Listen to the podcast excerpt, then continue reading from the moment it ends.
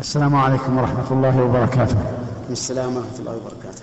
إذا توضأ المغتسل ثم أفاض الماء هل يلزمه تعاهد أعضاء الوضوء؟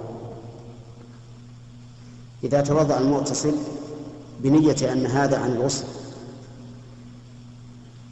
فإنه لا يلزمه إعادة الماء على ما غسله من الأعضاء.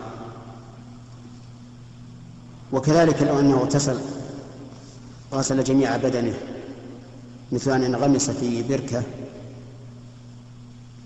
فإنه يكفيه عنه الوضوء لكن لا بد أن يستنش أن يتمضمض ويستنشق. ما دليل هذه الصفة يا شيخ؟ نعم. دليل هذه الصفة لأن أي؟ الأخيرة الاكتفاء الأخيرة. الأخيرة دليلها قوله تعالى وإن كنتم جنبا فاطهروا. بعد أن ذكر الوضوء قال وإن كنتم جنبا فاطهروا. ولم يذكر سوى ذلك. ولأن النبي صلى الله عليه وسلم قال للرجل الذي أعطاه الماء يغتسل به قال خذ هذا أفرغه على نفسك. والحديث طويل في البخاري عن عمران بن حصين رضي الله عنه في قصة إعواز الماء على المسلمين.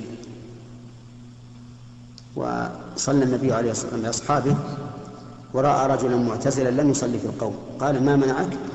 قال أصابتني جنابة ولا ماء قال عليك بالصعيد فإنه يكفيك.